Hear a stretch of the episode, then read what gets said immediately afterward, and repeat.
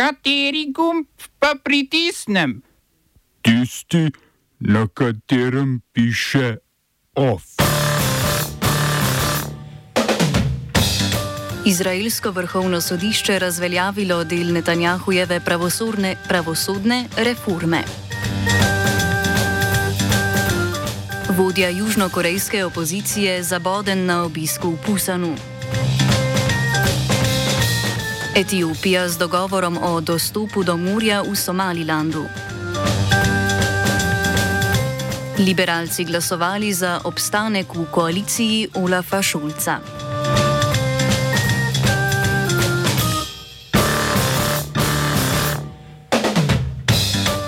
Izraelsko vrhovno sodišče je razveljavilo pravosodni zakon, ki je vrhovnemu sodišču oduzel možnost razveljavitve odločitev vlade, ki bi jih spoznalo kot nerazumne. Zakon je bil del širše pravosodne reforme, ki jo je vlada premijeja Benjamina Netanjahuja s prejemom zakona pričela preteklega julija. Proti pravosodni reformi so na izraelskih ulicah protestirali vse do oktobra. Vlada pravosodno reformo predstavlja kot prenos oblasti z neizvoljenega vrhovnega sodišča na izvoljeni parlament. Resnični cilj pa je oslabitev sodne veje oblasti in njene moči nadzorovanja vlade in parlamenta. Na podlagi doktrine nerazumnosti je vrhovno sodišče lani ukazalo zamenjavo Netanjahujevega notranjega ministra in ministra za zdravje Arjeja Derija, ker je bil v začetku tisočletja pravnomočno obsojen zaradi prejemanja podkupnin. Poleg tega je obljubil umik iz političnega življenja. V izraelski vladi so nad odločitvijo, ki jo je vrhovno sodišče sprejelo z osmimi glasovi proti sedmim, že potarnali, čež da uničuje narodno enotnost med vojno.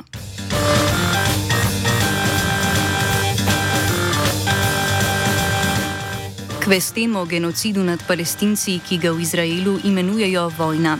Oboroženo krilo islamskega odporniškega gibanja Hamas je sporočilo, da je napadlo izraelske vojake, ki so se nahajali v bližini begunskega taborišča Burejč v osrednjem delu okupirane Gaze.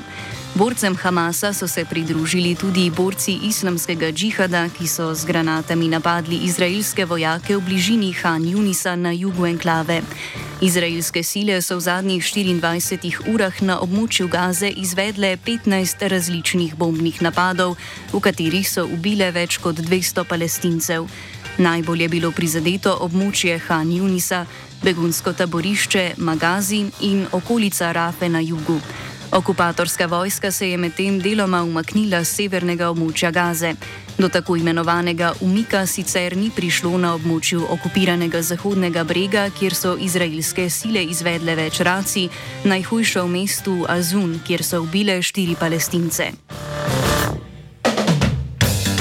Izraelska vojska je sporočila, da je izvedla več zračnih napadov v Siriji in Libanonu, v katerih je poškodovala infrastrukturo sirijske vojske in infrastrukturo libanonskega gibanja Hezbollah. Od 7. oktobra je gibanje v podporo palestincem izvedlo več zračnih napadov, na zadnje sinoči, ko so z raketami napadli ran in ranili pet izraelskih vojakov.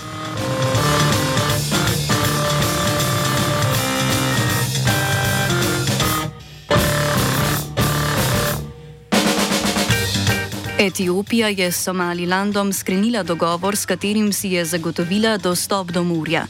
Po dogovoru, ki sicer ni zavezujoč, bi Etiopija dobila dostop do pristanišča v Berberi, v zameno pa bi kot prva država na svetu uradno priznala Somaliland.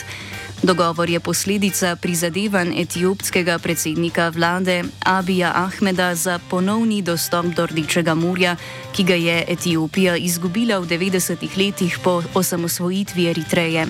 Tako Somaliland kot Etiopija sta potezo razglasila za diplomatski uspeh, dogovoru pa nasprotuje Somalija. Somaliland namreč uradno še vedno spada pod Somalijo. Somalija zato dogovor med Etiopijo in Somalilandom označuje kot korak, ki ogroža stabilnost regije. Zato je iz Etiopije odpoklicala tudi svojega veleposlanika. Kot pojasni Markus Virgil Hene, profesor na Univerzi v Leipzigu in poznavalec afriškega roga, Etiopija po dogovoru ni obvezana k priznanju neodvisnosti Somalilanda. So my understanding is that this is a deal about um, getting access to the sea for Ethiopia. Um, and there is an expectation on the side of the current Somaliland government that this will be an exchange, you know, this will in exchange lead to some political political recognition of Somaliland as an independent state. But um, as far as I understood the wording of the memorandum of understanding, this is not, so to say, 100% certain. So I'm not sure if Ethiopia really sees itself, um, um, so to say, compelled to recognize Somaliland as an independent state.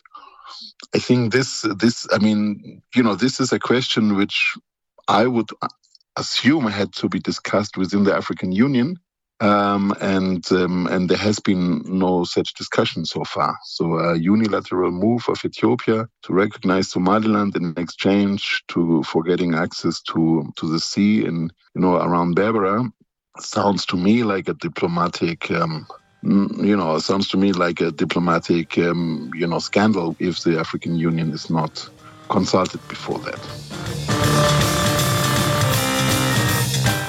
Sogovorec dodaja tudi, da se Etiopija iz strateških interesov že več desetletij povezuje s sosednjimi državami, ki imajo dostop do morja. No, Ethiopia had a very strategic um, politics towards all the Somali um, territories, a very, I would say, utilitaristic um, approach. I mean, it, it, it it, I think for many, many years, Ethiopia was always worried about security across the Somali Ethiopian borders, which are, of course, extremely long from the south to the north, including Somaliland. So, security in the border zone was a priority for Ethiopia since the civil war in Somalia broke out in 1991. And um, and I think with the fragmentation of Somalia into Somaliland in the northwest and Puntland in the northeast and south central Somalia, the fragmentation I think was considered by Ethiopia as a probably as a rather positive development because Somalia was weak and Ethiopia engaged with all of these fragments. So Ethiopia had relationships with Somaliland from the early 2000s onwards it also developed um, um, close political ties to Puntland in the northeast. And it, of course, also has a strong influence in southern Somalia, particularly on the governments in Mogadishu, which have been established over the past 15 years, you know, always with the assistance of Ethiopia. So the, the, the, the rulers of Somalia who came to power um, since 2004, actually, so almost 20 years, um, have always come to power with the support of Ethiopia, with the support of the Ethiopian government. Nekdanji čadski opozicijski politik Sukse Masra je prevzel funkcijo predsednika vlade teden dni po referendumu o vrnitvi k civilnemu vodenju države. Masra se je v državo vrnil novembra, potem ko je s Hunto dosegel sporazum o spravi, ki mu je omogočil politično aktivnost. Opozicija se je od takrat distancirala od novega premijeja, saj domnevno vrnitev k civilnemu vodstvu opisuje kot dimno zaveso za legitimacijo oblasti trenutno še začasnega predsednika in vodje Hunte Mahmata Debija. Ta je volitve obljubil že leta 2022, vendar je oktobra tega leta vojaško oblast podaljšal za dodatno leto in pol, kar je sprožilo množične proteste. Sledil je črni četrtek, na katerem so vojaški voditelji po navedbah opozicije ubili okrog 300 protestnikov, več tisoč pa so jih aretirali, mučili in na koncu izpustili. Po dogodku je Masra tudi zapustil državo. Opozicija prav tako kritizira splošni zakon o pomilostitvi, ki ga je junta sprejela novembra. Zakon je pomagal generalom in policiji, da so se izognili sojenjem zaradi umorov in preganjanja protestnikov.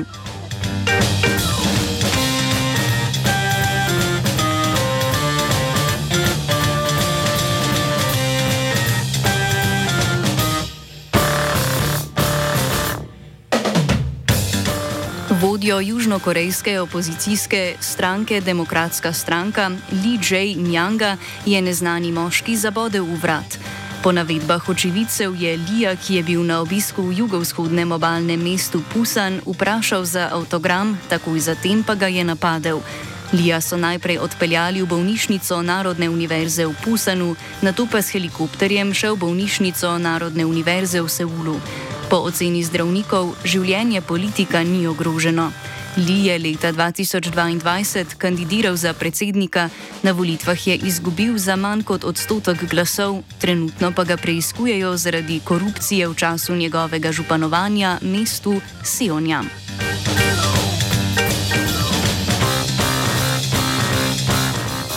Nemška liberalna svobodna demokratska stranka ostaja v vladni koaliciji. Po internem glasovanju se je 52 odstotkov strankarskih voljivcev odločilo, da bo stranka še naprej sodelovala v koaliciji s socialdemokrati in zelenimi.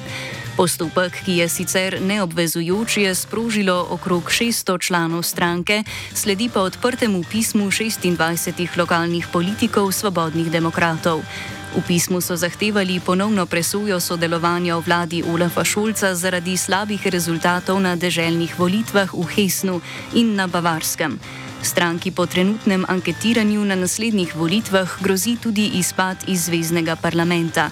Po glasovanju je podpredsednik stranke Wolfgang Kubicki napovedal večjo odločnost stranke znotraj koalicije za uresničevanje lastnega programa.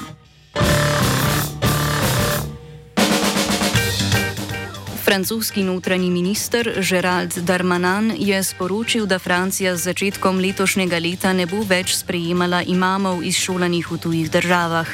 Kot je dejal, skuša s tem zmanjšati tuji vpliv na islam v Franciji ter preprečiti islamistični separatizem. Imami, ki so bili v Francijo napoteni iz drugih držav, bodo morali od 1. aprila spremeniti svoj status. Društva, ki upravljajo z islamskimi bogoslužnimi prostori, bodo namreč lahko zaposlovala tuje imame, a bodo morala, morali ti predložiti dokazilo, da jih je plačalo neposredno versko društvo. S tem želi vlada preprečiti, da bi imame plačevale tuje države. Poleg tega želi z ukrepom spodbuditi, da bodo imami vsaj del verskega izobraževanja opravili v Franciji. Predsednik Emmanuel Macron je podobne ukrepe napovedal v začetku leta 2020.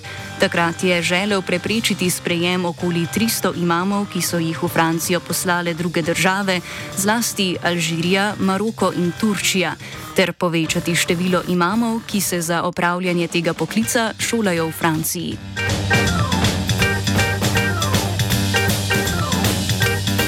Ovsta pripravila vajenec Rok in Tija.